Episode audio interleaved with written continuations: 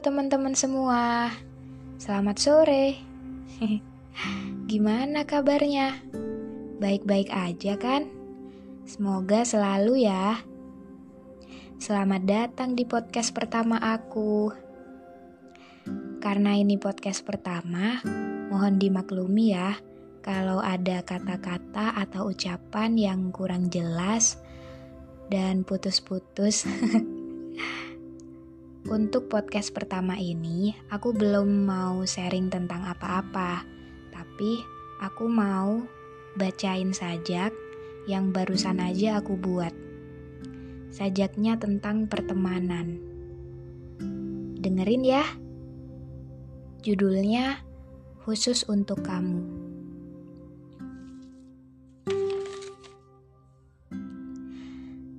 Telah lahir sebuah cerita yang tertata indah sedemikian rupa. Dan aku menyebutnya sebagai kita. Kita menyusun cerita dengan tertawa, merakit kisah dengan lelah bersama, dan tetap ceria di mana pun berada.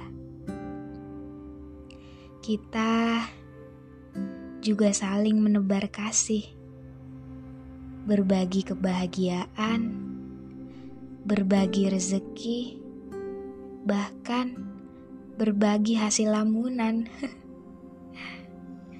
Kita juga sering bercanda di pojok kelas, tertawa lepas, walaupun sedang risau karena hafalan yang tak kunjung tuntas. Sampai akhirnya tibalah kita di pergantian masa.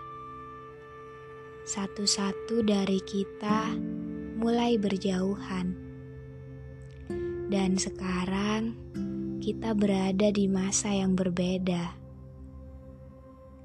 Lucu memang.